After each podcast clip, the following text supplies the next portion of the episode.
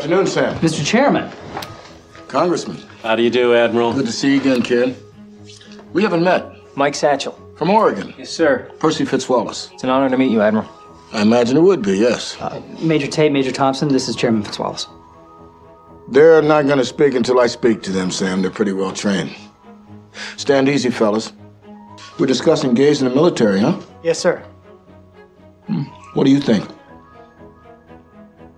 I said, what do you think? Sir, we're here to help the White House form a policy. I know. I'm asking you what you think. Sir, we're not prejudiced toward homosexuals. You just don't want to see them serving in the armed forces. No, sir, I don't. Because they pose a threat to unit discipline and cohesion. Yes, sir. That's what I think, too. I also think the military wasn't designed to be an instrument of social change. Yes, sir. Problem with that is that's what they were saying about me 50 years ago. Blacks shouldn't serve with whites. It would disrupt the unit. You know what? It did disrupt the unit. The unit got over it. The unit changed. I'm an admiral in the U.S. Navy and chairman of the Joint Chiefs of Staff. Beat that with a stick. We'll see you, Ken.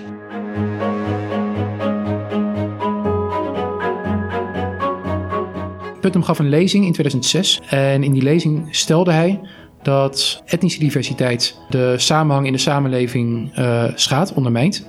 En zijn vernieuwende stelling daarin was dat het niet alleen de samenhang tussen etnische groepen zou kunnen schaden, zoals sommige theorieën en onderzoeken al lieten zien, maar ook de samenhang binnen etnische groepen.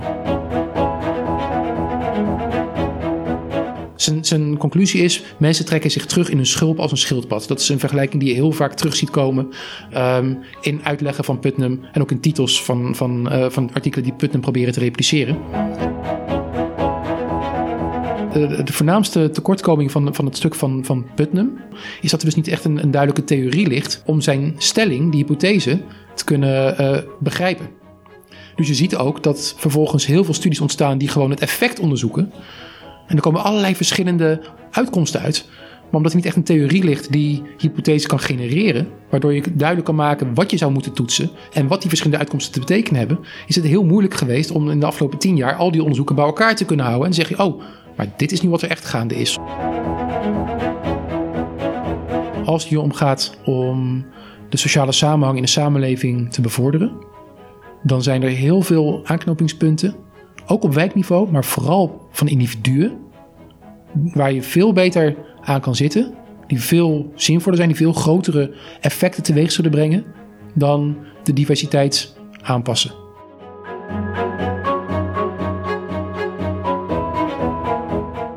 Dag allemaal, welkom bij de Stuk Rood Vlees podcast. Mijn naam is Armin Akverdian, ik ben politicoloog aan de UvA. Volg ons via Facebook of Twitter, het Stuk Rood Vlees. Abonneren kan via allerlei podcast-apps. En mocht u dat doen, laat dan ook even een rating of een review achter.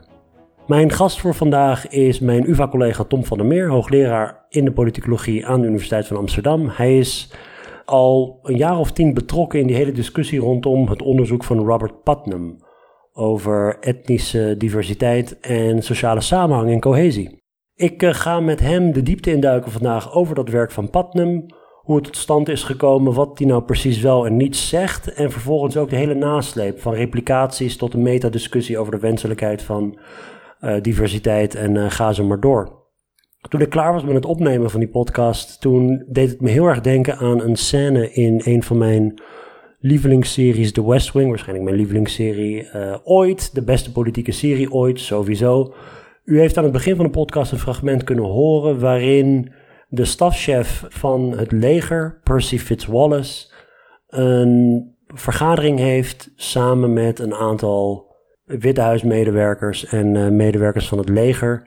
En die bijeenkomst gaat over gays in the military. En um, daar is een heel debat over in Amerika en tegenstanders van een meer diverse benadering van het leger die zeggen van ja dat is slecht voor de cohesie en dat is slecht voor moraal onder de troepen als dat, uh, als dat leger maar, maar homo's en vrouwen en transgenders en nou, noem maar op alle, allemaal verschillende mensen toelaat. En Fitzwallace zegt nou ja dat klopt, maar dat zeiden ze vroeger ook over uh, zwarte Amerikanen, zoals hij zelf. En dan zegt hij op een gegeven moment ook, nou het leger zal er wel overheen groeien. Dat is eigenlijk min of meer wat Putnam zegt in zijn studie. Op de korte termijn kan het best zo zijn dat etnische diversiteit ontwrichtend werkt in bepaalde omstandigheden. Goed, nogmaals, we gaan er zo uitgebreid over spreken met Tom in hoeverre dit waar is of niet. Maar Putnam zegt ook heel expliciet in zijn stuk op de lange termijn kan een samenleving zich er prima aan aanpassen. Dat is een aspect van zijn werk dat veel minder geciteerd wordt. Hij staat vooral bekend als een, of zo is in ieder geval zijn onderzoek gaan leven in de uh, publieke beleving, als een criticus van de multiculturele samenleving. Er valt hier ontzettend veel over te zeggen. We kunnen dat ook niet allemaal met Tom bespreken in die drie kwartier, maar hopelijk krijgt u een beetje een inkijkje in die hele discussie. En ook vooral hoe moeilijk het is om uiteindelijk die theorieën scherp te krijgen en vervolgens ook die theorieën empirisch te toetsen. Veel plezier met Tom van der Meer.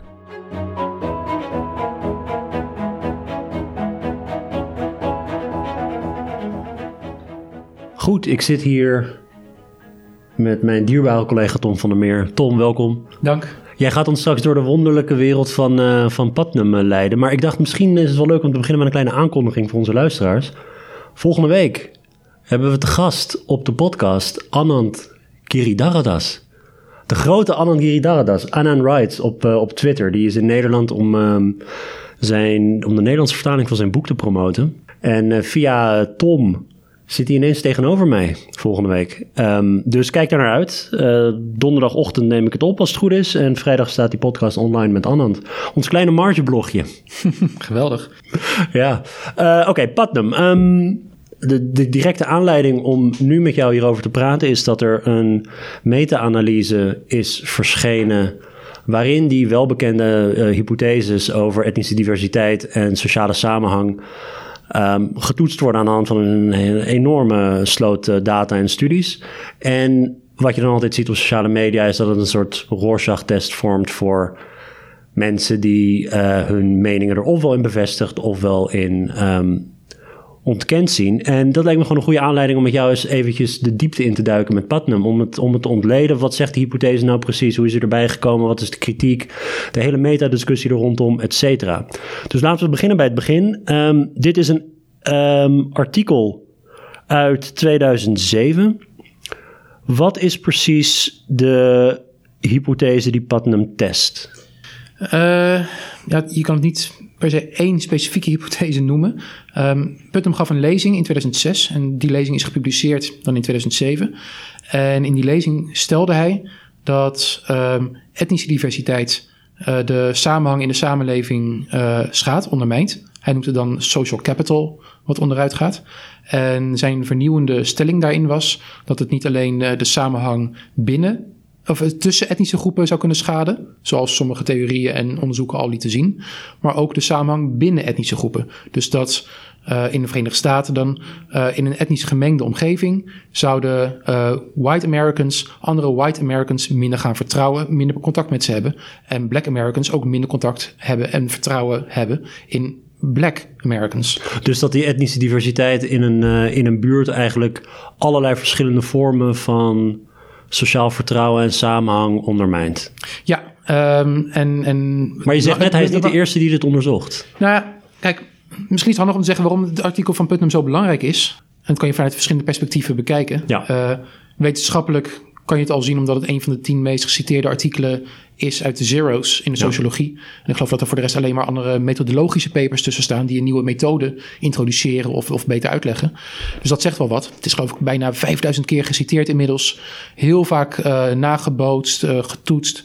Dus het is echt een belangwekkend artikel. Ja, er is een hele goede industrie rondom dat artikel ontstaan. exact. Van uh, onderzoekers die erop zijn gedoken. Ook. Waar ik zelf overigens uh, flink aan heb Ja, nee, uiteraard. Nee, daarom zit je hier. uh, maar Putnam heeft in zijn stuk eigenlijk vier beweringen gedaan. Um, zijn eerste bewering, degene die bij iedereen het meest bekend is, is dus dat diversiteit, in ieder geval op de korte termijn, de sociale samenhang ondermijnt. Dus dat vertrouwen en de contacten. Maar daarin was hij niet de eerste. Nou, er is enerzijds al een heel grote traditie die kijkt op wat er gebeurt als de wijk diverser wordt, gemengder wordt. Of mensen dan meer of minder vertrouwen in de andere bevolkingsgroep gaat krijgen. Dus daar is al heel veel onderzoek naar gedaan. En ook voor die meer algemene stelling, het algemene vertrouwen, het algemene vrijwilligerswerk, was er al een handvol studies die naar die relatie keek met hele uiteenlopende bevindingen. Maar Waar Putnam vernieuwend in was, is dus die stelling die ik net noemde, dat diversiteit niet alleen schadelijk is voor de contacten tussen de groepen en het vertrouwen tussen groepen, maar ook het vertrouwen de contacten binnen groepen. Dat is de eerste grote vernieuwing. En dat element noemt hij constrict theory. We kunnen het zo nog wel even hebben over in hoeverre Ja. het echt een theorie is. Maar dat is in ieder geval de centrale stelling. Is dus dat diversiteit ondermijnt niet alleen het contact eh, en het vertrouwen tussen groepen, maar ook binnen groepen. Dan heeft hij nog een, eigenlijk een, een, een, een derde stelling, kan je bijna zeggen, daaraan aan toegevoegd. Namelijk dat uitzicht op heel veel manieren. Dus niet alleen in vertrouwen, eh, maar eh, ook vertrouwen in de buren. Ehm, vertrouwen in de andere groep, vertrouwen in de eigen groep. En ook maar in gedrag? Ook, ook in gedrag. Ook in contacten, eh, vrijwilligerswerk doen, informele hulp bieden, eh, de grootte van je vriendennetwerk.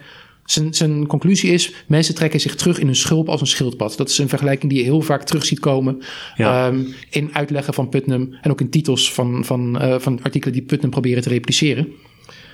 En dan heeft hij nog, niet in zijn wetenschappelijke artikel, maar wel in, in de stukken die hij heeft geschreven in media, in publieke media, heeft hij nog eigenlijk een vierde element eraan toegevoegd. Namelijk dat het ook een heel groot en belangrijk effect is.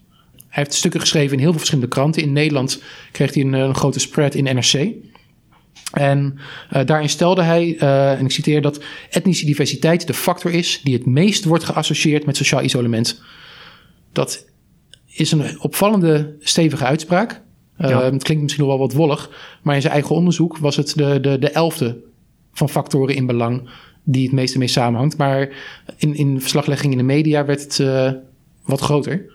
Maar dat zijn de, de, de, vier kernstellingen waar, het- waar het hier om gaat. Dus Maar als je het zo meteen gaat hebben, en dat gaan we ongetwijfeld doen, van heeft Putnam nou wel of niet gelijk, moet je eigenlijk die vier punten weer even opnieuw afgaan. Ja.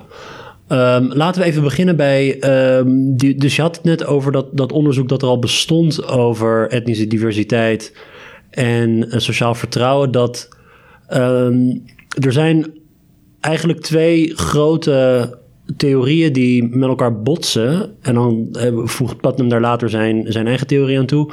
De een die zegt eigenlijk van, nou ja, onbekend maakt onbemind. Toch? Dat is die, die, die conflict theory. Dat is dat. Ehm, nou, ik, ik, ik kan zo uitleggen waarom, waarom precies dat contact dan eh, leidt tot, laat- spanningen. het, het, het idee is dat als je eh, in contact komt met, met andere groepen die niet op jou lijken, dat er dan een soort van gevoel van competitie kan ontstaan. Dat kan economische gevoel, eh, competitie zijn. Dus strijd om schaarse hulpbronnen in de samenleving. Denk aan banen als, een, als een typisch voorbeeld. En dat zou ertoe leiden dat je daarom minder vertrouwen gaat hebben in die andere groep. Omdat ze met meer zijn dus een grotere bedreiging vormen. Eh, het kan ook zijn dat, dat er competitie ontstaat om, om een soort van culturele kanten van de samenleving. Dat je denkt van ja, maar mijn cultuur wordt nu weggedrukt. En het kan ook dat, dat mensen dus eh, etniciteit, wat een, wat een heel brede, breed begrip is natuurlijk, maar bijvoorbeeld op basis van religie of op basis van eh, uiterlijke kenmerken of, of andere zaken, dat mensen ook dat, dat als een soort van signaal gebruiken van oké, als, dat, als dat er een van mij, een van ons is, dan eh, zal die waarschijnlijk over een aantal dingen hetzelfde denken als ik zelf. Dus die kunnen we misschien wel vertrouwen. Ja. Terwijl dat onbekende misschien eerder eh, ja, onzekerheid met zich meebrengt. Ja, nou, de stelling Ehm, van, dus eigenlijk, de, als je die hypothese uit afleidt, en de, de, de, echt in de kern van die theorie is het ehm, dat je in een gemengde wijk zou je eh, minder vertrouwen hebben in de etnische uitgroep, de, de, de etnische ander, Ehm, of in de Amerikaanse context iemand van een ander ras. Eh, of misschien eh, met migranten, maar in ieder geval in outgroup. Noord-Ierland, andere religie, allemaal Exact. precies dezelfde kleur. En meer vertrouwen hebben in je eigen groep. Meer contact hebben met je eigen groep. Dus dat, is wat die stelling zegt. En Ja. je kan ook nog een dynamische component aangeven. Dat het misschien niet zo is, zo, zo'n probleem is wanneer er statisch een bepaalde vorm van diversiteit is. Of de, de, de, de outgroup er in grote getalen is. Maar vooral wanneer die outgroup opeens heel erg hard groeit. Of heel erg zichtbaar wordt. Dat dat leidt tot een gevoelens van conflict. In plaats van dat statische wat je gewend bent. Dus dat is wat, wat conflicttheorie zou beweren. Precies, en dan heb je nog een andere kant die zegt dat het eh, eerder eh, van nou ja, op het moment dat jij in contact komt met eh, allerlei mensen, dat dan misschien je vooroordelen of je onzekerheden of dat, dat, dat juist afneemt. Exact, dat is ja, contacttheorie. Het idee dat je gewoon via dagelijkse contacten de- zie je de ander. Soms maak je misschien een praatje, maar in ieder geval zie je elkaar bij de groenteboer, bij de bakker. Je komt elkaar tegen. En, en door die hele dagelijkse, bijna passerende contacten ehm, ga je doorhebben dat de ander misschien niet zo heel erg afwijkt. Eh, normaliseert het en dan ga je wat meer vertrouwen krijgen. Ga je misschien ook wat vaker met elkaar om, kom je met elkaar in contact. En dat zou vooral gelden natuurlijk wanneer ehm, je heel veel contactmogelijkheden hebt. En wanneer heb je die contactmogelijkheden? Ja, soms bijvoorbeeld op je werk. Uh, met zo, voor, voor, voor sommige banen zie je dat, dat, dat daar heel veel contactmogelijkheden zijn. Maar ook in de wijk. En scholen. vooral, vooral in wijken die divers zijn, op scholen die divers zijn, zou het idee zijn. Door contact met elkaar te hebben op een hele informele manier. Word je nog niet meteen de beste vrienden. Je gaat nog niet meteen kliekjes vormen en samen lekker stappen of wat dan ook.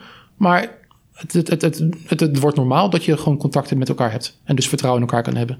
Dat is wel andere theorie. Het is wel interessant. Putnam zelf in zijn, eh, in zijn artikel haalt op een gegeven moment onderzoek aan uit de jaren 40, eind jaren 40, ehm, dat die contacttheorie enigszins zou ondersteunen over de eh, ervaringen van Amerikaanse soldaten tijdens de Tweede Wereldoorlog. En dan vragen ze dus aan soldaten of ze, het, eh, of ze er bezwaar tegen zouden hebben om met een eh, zwarte Amerikaan in een bataljon te zitten en aan zwarte mensen of ze met witte eh, medesoldaten erin zouden zitten. En ehm, nou, het, bleek dat de mensen die daadwerkelijk in die bataljon zaten, waar ze natuurlijk niet zelf voor kunnen kiezen, je wordt er gewoon in geplaatst, neem ik aan, dat die daar ehm, minder bezwaar Ja. tegen hadden. En dat zou eh, een van de, een van de eerste soort van empirische, meer op de moderne lees geschoeide testjes kunnen zijn van die contacttheorie. Ehm, maar het soort contact eh, Maar het- lijkt kijk, me... je, je kan natuurlijk ook gewoon... Zo'n theorie is heel makkelijk... Maar heel makkelijk. Is vooral goed te onderzoeken. Wanneer je een, een, een, een, een bijna experimentele setting hebt. Wanneer mensen niet zelf kiezen waar Ja, ze gaan wonen. En dat, dat is ja. continu de complicerende factor in dit verhaal. Mensen kiezen ook waar ze wonen. En dat heeft, een, dat heeft tegengestelde effecten op, op de bevindingen die je kan gaan doen. Want mensen die echt een hekel hebben aan diversiteit... die gaan niet zo snel in een gemengde wijk wonen... als ze de keuze hebben om te kunnen kiezen waar ze gaan wonen. Waarom dat leger nou zo'n goed voorbeeld is... is omdat ja, je wordt erin geplaatst. Dat geldt tot op zekere hoogte ook voor klassen in scholen. Ehm, gegeven de samenstelling van de school... waar je als ouder nog wel invloed op hebt... Ja, precies, de klas waar je kind in ja. komt... daar zit veel minder keuzeelementen in. Dus dan is het ook weer aardig te onderzoeken. Ja. Maar verenigingen, voetbalverenigingen, sportverenigingen... ja, daar kan je eigen opvatting wel weer een grotere rol in spelen... in welke voetbalvereniging je uitkiest. Net zoals in het verleden in Nederland, in de tijden van de verzuiling. Ja, je koos de vereniging die bij je zaal hoorde. Dus je ging voor de protestantse club of de katholieke club, zoals in Naaldwijk het geval was. We hadden geen liberale of sociaal-democratische clubs. Ehm, maar daar koos je voor eh, op basis van ja, waar je ouders vandaan komen en in welke zaal je hoort. Ja. En ja, dan is het dus weer heel moeilijk te onderzoeken. Dus dan hebben we die twee, eigenlijk die twee grote rivaliserende theorieën, contact theory en eh, conflict theory. En dan komt eh, meneertje Putnam. Ja, ja en, en Putnam was op dat moment al heel erg bekend. Hij heeft heel, heel veel heel belangrijk Ja. onderzoek gedaan naar eh, wat hij noemt sociaal kapitaal. Nou, dus- ik ken hem ook uit, ik, ik ken hem uit heel veel ander soort werk dat hij heeft gedaan, ook Ja. over democratie en zo. Nee, exact. eh, Vanaf de jaren Ehm. 70 is hij al heel erg zichtbaar. Maar vanaf begin jaren 90 doet hij eh, heel spannend onderzoek naar, naar sociaal kapitaal. En, en wat, de, de, ehm, eigenlijk wat het belang is van sociaal vertrouwen en een ontwikkeld verenigingsleven voor de democratie zelf. Ehm, en dan schrijft hij in 2000 nog een boek over, over dat sociaal kapitaal wel eens achteruit zou kunnen gaan in Amerika. En dan komt dus een, een- ja, een half decennium later komt, komt dit stuk. Ehm, Nou, en, in de daar jaren zegt hij van- 70 en zo, nog voor, voor, voor die eh, met democratie en sociaal kapitaal werkte, was hij echt al een extreem bekende naam als het ging om het bestuderen van politieke elites. Hij is wel echt een enorme duizendpoot. Nee, klopt. Hij- Eh, hij is nog Rudy Anderweg, die ook een paar keer op eh, de podcast is geweest. Absoluut. Is nog student van Putnam geweest. Ja. Maar, maar ja, halverwege de, de zero's komt, komt Putnam met, met, met, met zijn lezing. En dat wordt dan een artikel.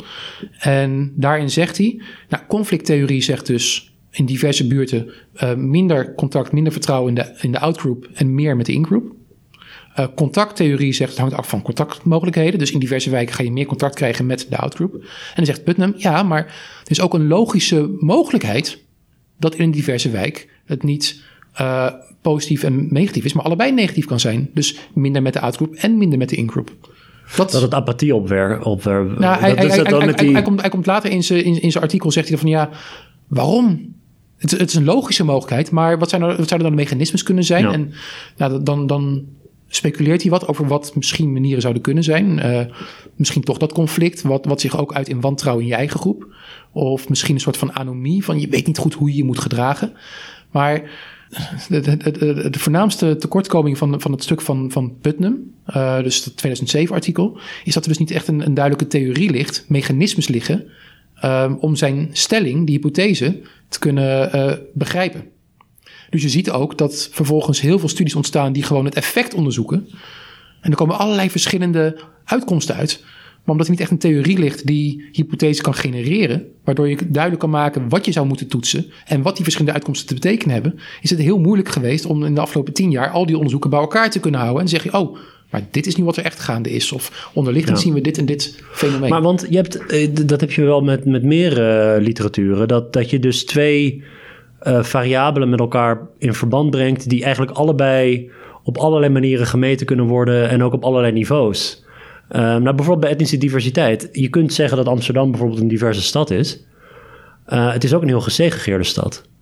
Ja, dus dus is, zijn daar nog bepaalde ehm, verwachtingen over? Dat, nou ja, het is de vorm van diversiteit die misschien... Want je moet uiteindelijk, wat je net zegt, die, die mechanismes... dat gaat uiteindelijk simpelweg om ehm, zoiets als... oké, wat, wat gebeurt er nou met mij persoonlijk als individu? Ik ben een individu die in een bepaalde context woont. Kom ik dan iemand tegen of lees ik erover in de krant... of hoor ik erover via, via, via, via, via... maar er moet ergens een radartje zitten dat dat doorwerkt. En Ja, nou kijk, die, de- deze literatuur gaat heel erg over de leefomgeving. Dus het gaat echt over waar je woont. Dus het idee is dat je leefomgeving van invloed is op, op, op je opvatting over vertrouwen. Maar, dus, enzovoort. dus echt, maar dan, dan zou ik zeggen, dan, dan moet dat heel lokaal gemeten Ja, worden. daar, komen, we, Dus- daar komen we zo meteen ook nog wel op terug. Maar ehm, in Putnam zijn eigen bewijs, dan, dan gaat hij, soms heeft hij het over bijna op statelijk niveau, soms Ja. boven regionaal niveau. Ehm, soms zijn het wel weer wijken, dat, dat loopt een beetje door elkaar heen.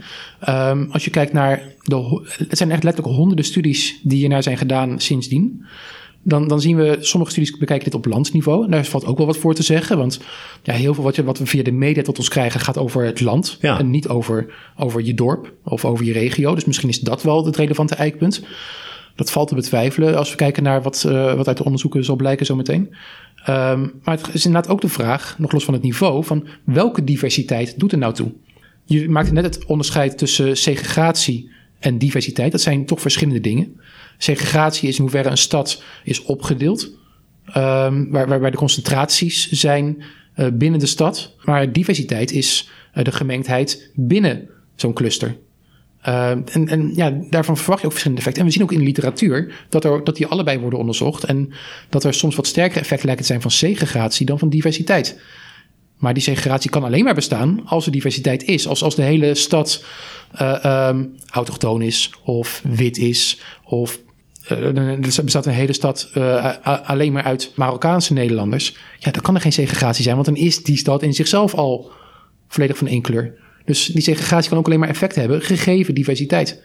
En dan is nog de vraag: is het diversiteit of is het de grootte van de andere groep? Dat is weer niet helemaal hetzelfde. In Nederland vallen die heel erg samen.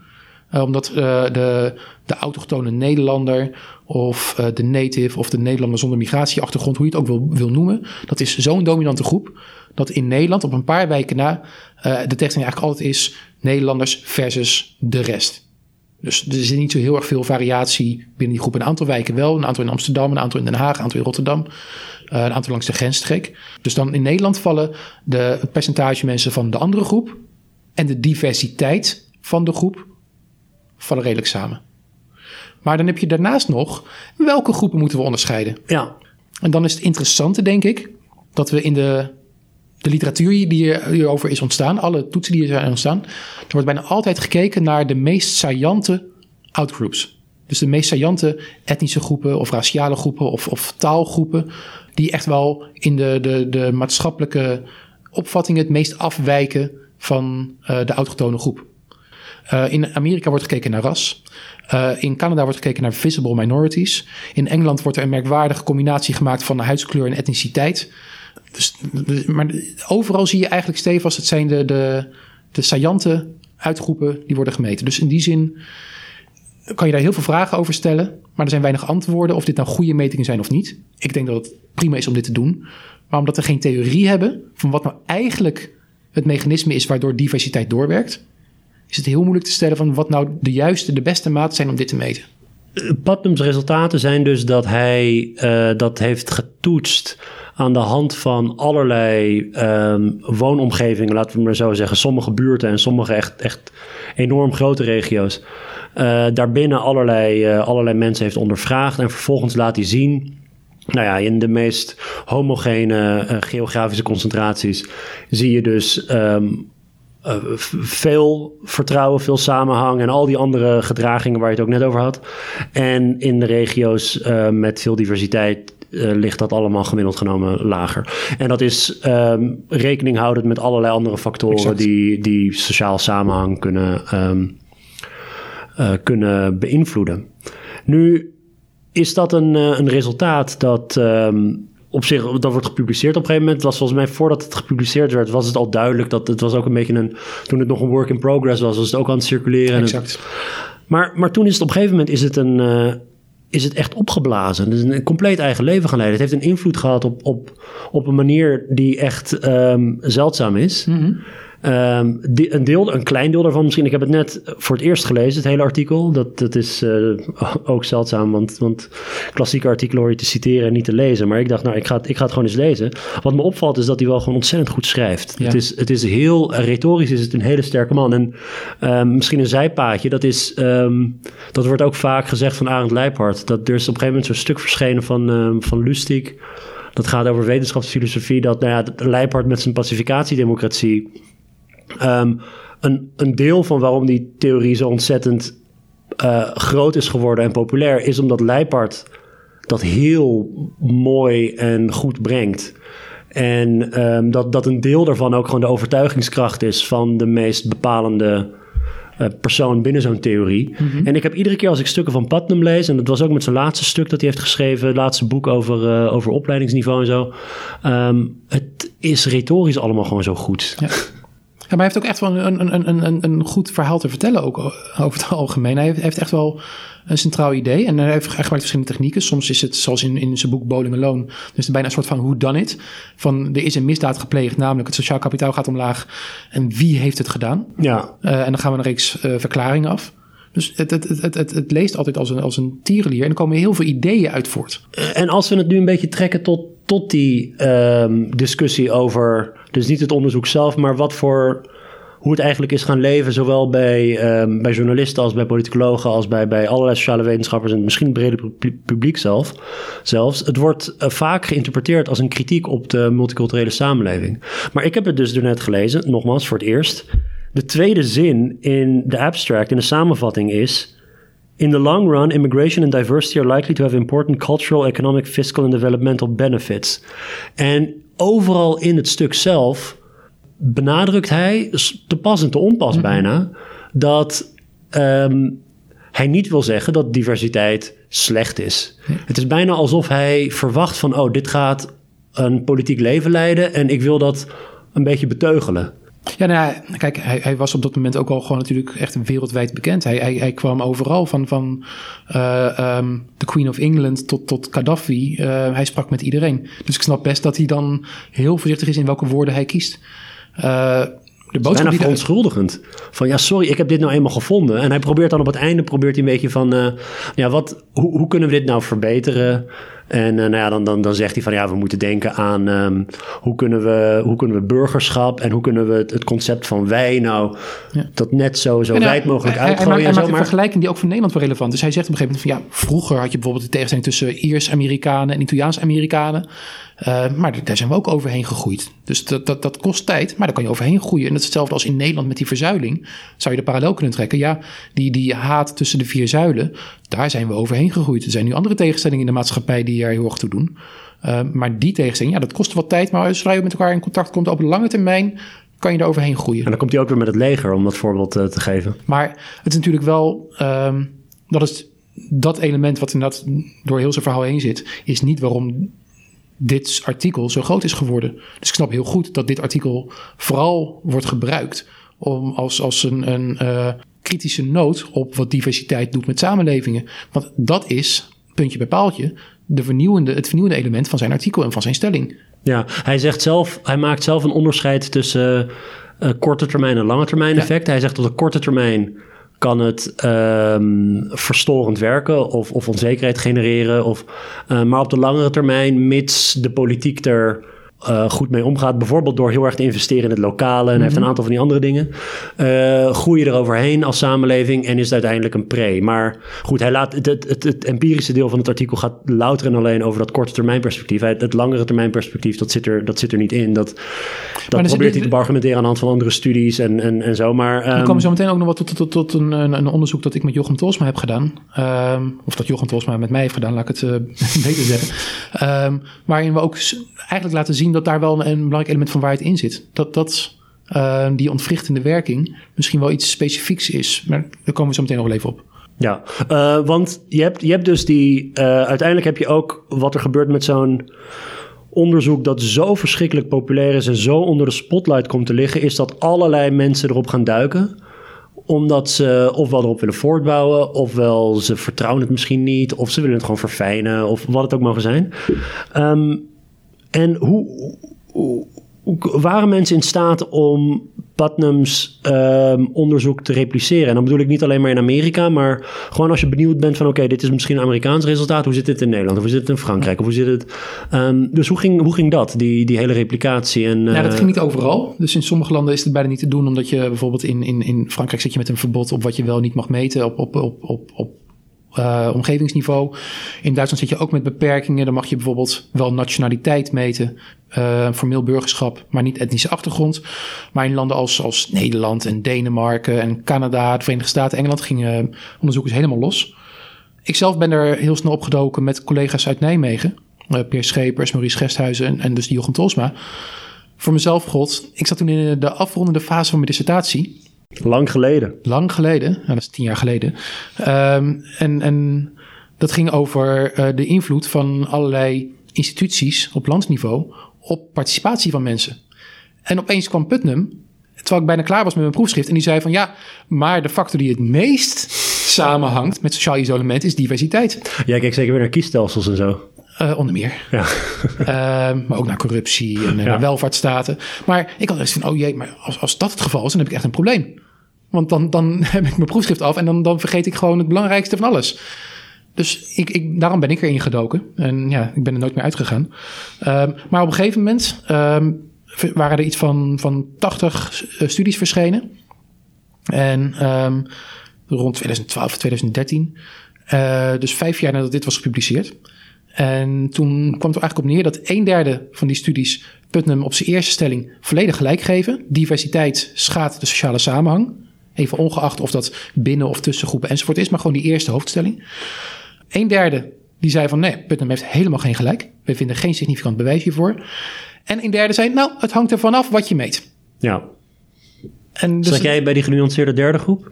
Um, de, ja, eigenlijk al mijn studies vielen onder die derde. Het hangt er altijd vanaf. Ja, nou ja, in dit geval hangt er vanaf wat je meet als, als uitkomst bij je sociale samenhang. Dus op sommige elementen wel, op andere elementen niet. Ja.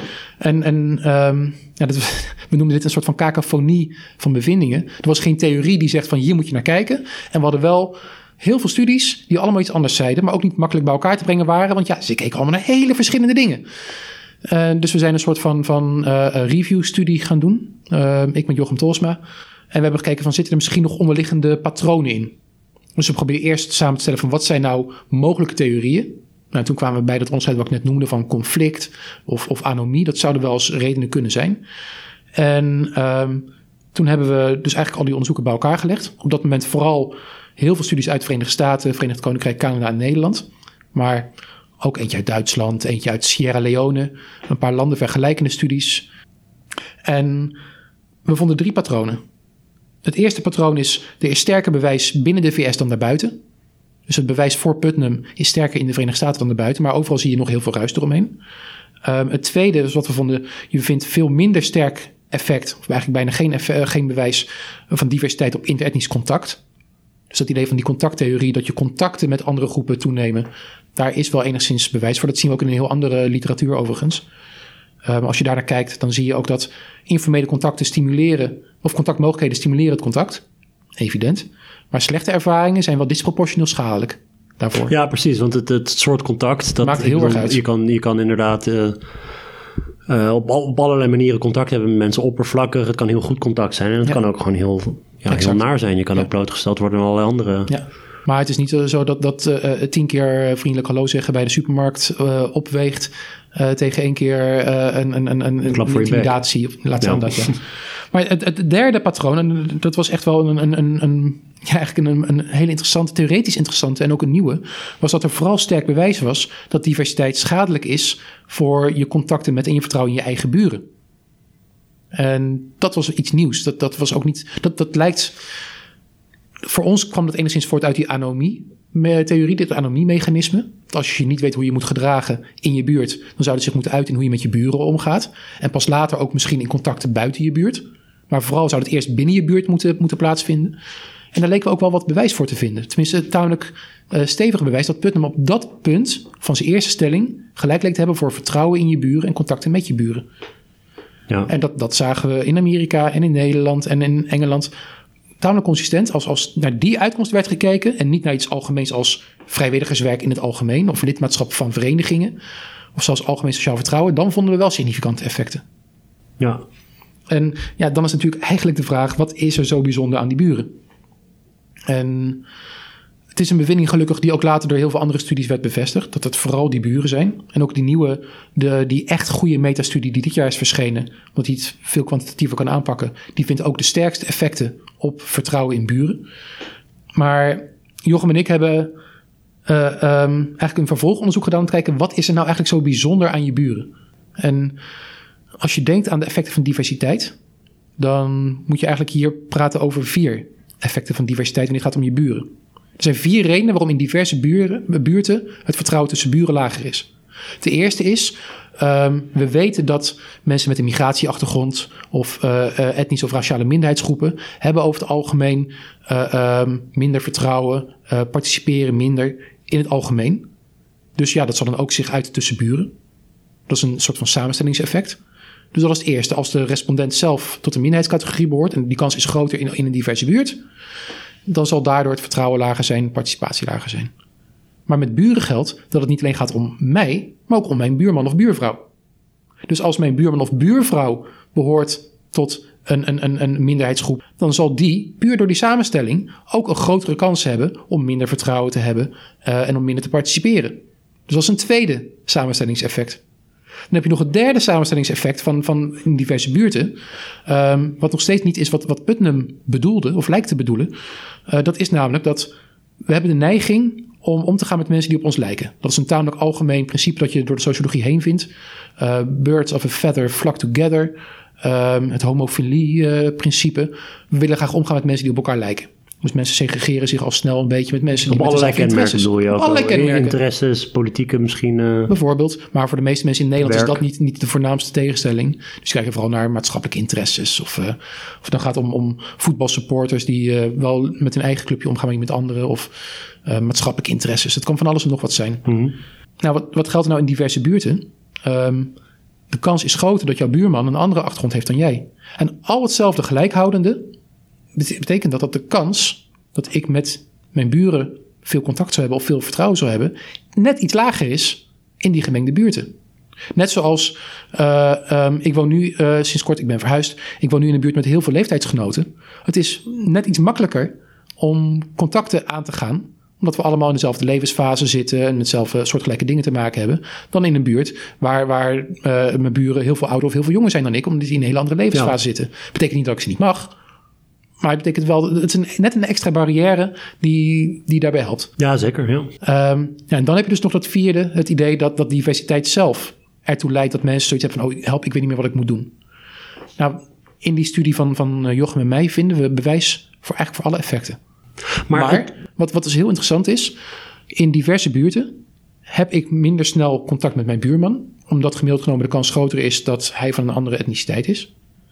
Maar dat is een element dat je kan overgroeien, juist omdat je op die manier die dagelijkse contacten gaat onderhouden. En daardoor relatief meer contacten gaat krijgen, relatief meer vertrouwen gaat krijgen in een buurman van, met die achtergrond. Vergeleken met de omstandigheid dat ik niet naast zo'n buurman had gewoond. Behalve als mijn buurman me op mijn bek zou slaan en ik opnieuw. Maar over het algemeen gebeurt dat niet. Um, ja, Delft-Noord. Ja. Maar dus dat, dat effect wat Putnam suggereert, Dat je er overheen kan groeien. Of tenminste dat je, Nou- dat je, dat je moet accommoderen. Eh, Ja, nou, dat je, die contactmogelijkheden, dat is dus een effect wat, we, eh, wat in deze zin ook door diversiteit wordt gecreëerd. Daaroverheen geldt wel dat we voor vertrouwen, niet voor contacten, maar wel voor vertrouwen, nog steeds een negatief effect vinden van diversiteit, gecontroleerd voor die andere drie. ja. Dus er is nog steeds iets met dat vertrouwen in de buren, waar diversiteit een effect op lijkt te hebben van de buurt. Dat is heel bescheiden, dat effect. Voor, voor die buren, als je die andere elementen, die beleidsmatig andere consequenties hebben, eh, beredeneert. Maar het is er wel. Maar op vertrouwen.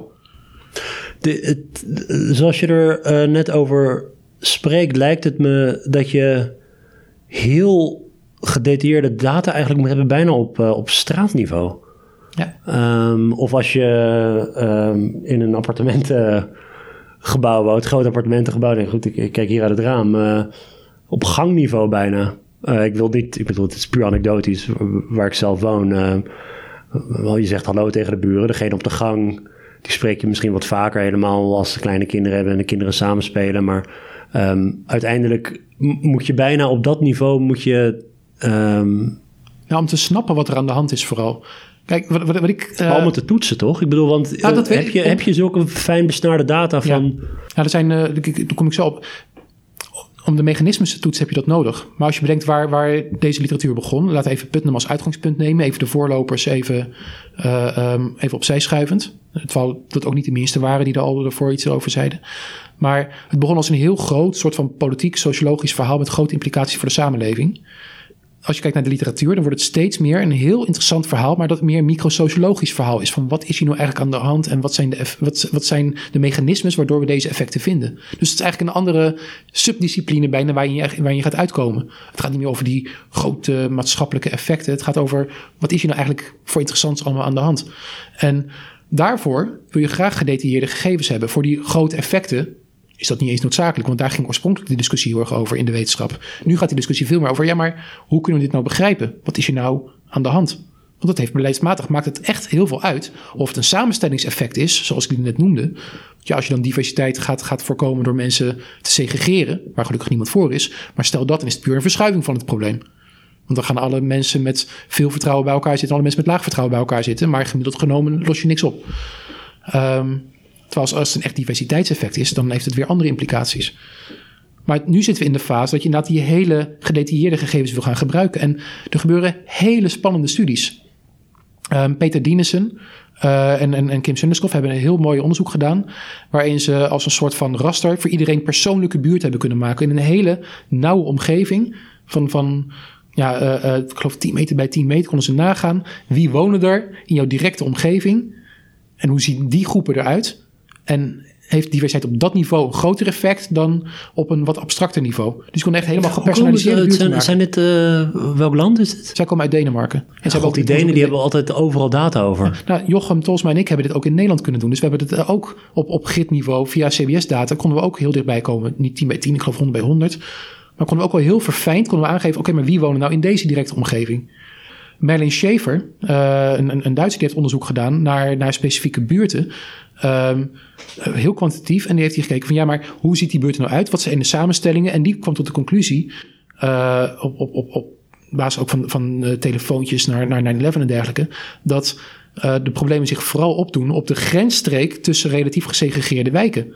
Dus in een diverse omgeving, maar de problemen waren Ja. vooral wanneer het onduidelijk werd wie er dominant was. Dus in, in eh, eh, de, de, de, dominant gele wijk of in de dominant groene wijk was het probleem niet. Maar hoe meer het naar de grensgebieden ging, hoe, hoe meer ja, rommel er optrad, hoe meer onzekerheden er kwamen. Ja, ik, je, je, hebt het nu over eh, nieuwe studies en zo. Ik, eh, toen ik die meta-analyse een beetje door, eh, doorkeek. Je hebt dus ook studies die blijkbaar dit op experimentele manier proberen te doen. Waarbij je dus, eh, nou een beetje waar, waar we het eerder over hadden, over dat leger, dat je zelf niet kan kiezen waar je wordt, dat je wordt geplaatst. Dat ze dus experimenten doen waarbij je min of meer per lot mensen kunt toewijzen, bijvoorbeeld als het gaat om. ehm, ja, het, het, ging, het was iets met, het, ehm, met huisvesting, maar dat je dan in, in sommige buurten eh, andere buren eh, in zo'n huis zet dan in andere, puur op basis van, van toeval. En dan ga je monitoren wat er gebeurt. Gewoon echt, echt interveneren in de leefomgeving van mensen met jouw experimentje. Ja, dat is heel vaak natuurlijk dat, dat dit al gebeurt en dat je dan van die variatie gebruik probeert te maken. Dus ze zijn. Dat, dat kan, ja, maar, dat, maar dat, dat, het is wel ook met die. ehm, je komt op een gegeven moment wel in een situatie terecht dat je denkt van ja, oké, om het echt goed te onderzoeken, hebben we heel specifieke data nodig en hebben we heel gave onderzoeksdesigns nodig. En dan kom je toch een beetje in die grijze zone van wat zijn we hier nou Nou, voor, voor, voor, privacy en ook, en ook gewoon het, het, ethische dilemma van kun je wel als, als wetenschappers interveneren in het, eh, in het leven van mensen op die manier dat je ineens bepaalt wat voor buren naast ze gaan wonen. Ehm nou, is altijd lastig. dat, dat, lijkt me, het, dat lijkt me hartstikke onethisch. Ehm, wa- wat je wel kan doen is gebruik maken van eh, herlocaties die toch al plaatsvinden. Dus we hebben ook hier, dan heb je ehm, eh, de herstructureringen in, in sommige wijken. En dan worden mensen worden willekeurig weggeplaatst. Ja, van die willekeur, dat, dat, dat, dat random element, die toeval, kan je gebruik maken door te kijken wat er dan gebeurt. Als het van bovenaf wordt opgelegd door een of andere beleidsmaatregel. Exact. Ja. En er zijn ook experimenten die dan mensen voor een computer zetten en dan spelletjes met elkaar of tegen elkaar laten spelen en kijken wat er dan gebeurt. Solidariteitsspelletjes bijvoorbeeld. Eh, dat gebeurt ook in verschillende omgevingen. Dus je kan ook kijken wat er dan gebeurt met zo'n spelletje als je in een heel erg conflictueuze omgeving zit. Zoals bijvoorbeeld in, in Israël gebeurd is door Amerikaanse en, en, en Israëlische onderzoekers. Er zijn allerlei manieren hoe je hiermee kan omgaan om, om proberen er steeds dichter op te komen. Hey, en die meta-analyse. De, de, de, de reden om een meta-analyse te doen is dat je dus eh, uit ja, wat je net die cacophonie van, eh, van bevindingen ehm, noemde, om daar een soort signaal uit te destilleren. Dus bij meta-analyse ben je niet zelf eh, aan het onderzoeken of er een verband is tussen eh, etniciteit en samenhang, maar ben je eigenlijk de studies. Dat, dat zijn eigenlijk de, eh, de eenheden die je gebruikt. Dus het is. ehm, Ja, nog, nog, eigenlijk nog specifieker wat in die, in die review-analyse die ik met Jochem Trosma heb gedaan, daar namen we eigenlijk de, tot een belangrijk, in belangrijke mate de studies als uitgangspunt. Dus we keken, zijn effecten significant? Ja of nee? Wat zijn de conclusies die daar worden getrokken? Wat, wat, wat eh, in de, de nieuwe, de echte formele meta-analyse die nu is gepubliceerd, eh, wat daar gebeurt, is dat de eh, effecten, de effectschattingen in alle verschillende modellen worden meegenomen. Dus ze hebben meer dan 80 studies, maar ze hebben meer dan 1000 effecten van die diversiteit die ze in één studie kunnen opnemen. Ja, en dan ga je dus eh, uiteindelijk dan, dan sommige zijn positief, andere zijn negatief, andere zijn, de, de vinden geen verband. En uiteindelijk vindt die meta-analyse dat er dus gemiddeld genomen wel een negatief effect bestaat tussen eh, diversiteit en samenhang. Nou, heel specifiek. ehm, ze hebben alleen gekeken naar vertrouwen. Verschillende vormen van vertrouwen, maar ze hebben alleen maar gekeken naar vertrouwen. Dus ze hebben ehm, dat idee van wat Putnam zei van het uitzicht op alle manieren. Hebben ze puur gekeken naar het element van vertrouwen. Ook logisch, want een meta-analyse waar je ook nog eens een keertje alle onderzoeken naar vrijwilligerswerk meeneemt. En informele hulp en sociale contacten en gevoelens van isolement en je opvattingen over de wijk. Dat, Ja, dat dan is wordt bijna niet vergelijkbaar. Dus Exact. Dus ik snap heel goed dat ze, dat ze die keuze hebben gemaakt. Maar het gaat dus nu in deze meta-analyse puur over vertrouwen. Vertrouwen in buren, vertrouwen in, in mensen in het algemeen in de samenleving, vertrouwen in de, de andere groep, maar vertrouwen. En je had het net over die eh, elementen van Putnam's studie zelf. En dat een van die elementen was dat het zo'n groot effect zou zijn. Dat is natuurlijk ook iets om naar te kijken. Hij zei zelf het is een groot effect. Misschien eerder op basis van wat hij dacht te moeten zeggen dan, dan zijn eigen regressies aantonen. Want je zei net zelf, er zijn andere variabelen in zijn, in zijn analyse die een veel groter effect hebben. Of grotere samenhang tonen. Dit effect is weliswaar negatief, maar niet bijster sterk. Nee, dat zeggen de auteurs zelf ook. eh, heel nadrukkelijk. Ze noemen de effecten bescheiden. Ehm, en dat is natuurlijk ook wel logisch. Als je. Kijk, al die eerdere studies, het waren niet hele kleine studies. Het is niet alsof hier op studenten steekproefjes van 50 mensen onderzoek is gedaan. Over het algemeen waren dit gewoon grote nationale onderzoeken met 1000, 1500, soms een paar duizend respondenten. Nou, als in die studies er de helft van de tijd geen significante effecten wordt gevonden en de helft van de tijd wel, suggereert dat Ja. dat die effecten toch al relatief bescheiden moeten zijn. En dat is ook wat, wat eh, de nieuwste reviewstudie van, van ja, die, diezelfde Dinesen, Sunderskov en, en Schaefer die ik net al noemde, eh, ook blijkt. De, de, de effecten zijn bescheiden. Ze zeggen ook expliciet, die apocalyptische verwachtingen die eraan werden gehangen, die kloppen niet. Maar er is wel een effect. Ja. En, ja dus, en ook zij zeggen nadrukkelijk, zij vinden ook nadrukkelijk de sterkste effecten opnieuw op vertrouwen in je buren. Uh, maar wat belangrijke vernieuwing is, is dat ze ook zeggen van ja, als je het alles bij elkaar legt, is er ook een effect op algemeen vertrouwen. Dus vertrouwen op burgers in de samenleving als geheel. Ja, dus zij zeggen op een gegeven moment, uh, dus op basis van het feit dat ze het, ze vinden het weliswaar het sterkste voor het vertrouwen in buren, um, maar ook toch voor andere vormen van vertrouwen. Ja. En dat ze dus eigenlijk ergens zeggen van ja, Putnam heeft hier toch een beetje zijn gelijk gehaald. Mm -hmm. Ja, maar daarom denk ik dat het goed is om die vier stellingen die ik net noemde even goed voor ogen te houden. Ja, op bepaalde punten. Ja, dus het, je, ziet, je ziet natuurlijk altijd bij dit soort gigantische vraagstukken uh, het, uh, het hele, ja, bijna voorspelbare wetenschappelijke antwoord is: het hangt ervan af wat je onderzoekt. Ja. Um, en dat bedoel ik niet flauw, want het zijn ook zulke verschillende contexten en het zijn zulke verschillende, ja, waar, daar hebben we het net uitgebreid over gehad. Maar ergens zit er toch iets in dat idee dat mensen op de korte termijn wellicht door uh, verscheidenheid om hen heen, dat ze wat huiverig zijn om uh, naar buiten te treden. Ja, nou, dat ze iets huiveriger zijn vergeleken met een omgeving waarin dat niet het geval is. Ja. Ik denk dat dat een hele belangrijke specificering is. Uh, want de effecten zijn dus klein. Uh, de meta-analyse laat ook zien dat het vooral op de hele lokale diversiteit hier van belang is. En de auteurs houden heel goed rekening trouwens met andere verklaringen. Dat is even heel belangrijk om te benoemen. Ze houden rekening met dingen als de stedelijkheid, met, met, met uh, uh, economie van, van je leefomgeving enzovoort. Ja. Dus dat, dat is allemaal heel, heel zorgvuldig gedaan. Ze kijken ook naar wie er woont. Dus een aantal van die compositie-effecten halen ze eruit. Dus het is echt, echt, echt complimenten voor, voor deze meta-analyse. Maar er lijkt dus inderdaad zo'n element in te zitten. Dat, dat diversiteit, in elk geval op de korte termijn, want dat is het enige wat hier geanalyseerd kan worden, dat effect heeft. En want je zei net dat, dat, dat dus die, die literatuur die gaat juist van het grote naar het kleine. En nu zijn mensen op als een soort puzzel op microniveau proberen ze achterhalen wat gebeurt er nou precies. Maar als we nou weer uitvergroten, hè, want um, ja, je zit zelf ook op sociale media en het publieke debat ben je actief en, en wij natuurlijk allebei. Je wil natuurlijk wel op een gegeven moment praten over de implicaties hiervan. Mm-hmm. En kom je al gauw terecht in uh, vragen over uh, uh, de wenselijkheid van immigratie en dat soort extreem, extreem beladen en gepolariseerde debatten. Ja, maar als je. Um, ik denk dat het goed is dat elke, alle bevindingen op die manier worden meegenomen.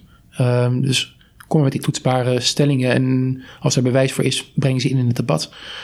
Ik denk dat het goed is om, om in de gaten te houden wat je wil stimuleren en wat je doelstelling is. Als het hier om gaat om de sociale samenhang in de samenleving te bevorderen, dan zijn er heel veel aanknopingspunten, ook op wijkniveau, maar vooral van individuen, waar je veel beter aan kan zitten, die veel zinvoller zijn, die veel grotere effecten teweeg zullen brengen dan de diversiteit aanpassen. Uh, neemt niet weg. Waar denk je dan aan? Als je als, beleidsmaker, als je als beleidsmaker aan, uh, aan knoppen wil draaien om bijvoorbeeld sociale samenhang in de buurt te verbeteren. Ook al is het zo dat immigratie op de korte termijn een bescheiden negatief effect heeft, of, of diversiteit, dan zijn er nog al steeds andere knoppen ja. waar je misschien eerst aan zou moeten denken. Op de buurt kan je denken aan de welvarendheid van de buurt als geheel. Dus op die manier kijkend naar, naar hoe kan je dat bijvoorbeeld, hoe kan je die samenstelling uh, aanpakken.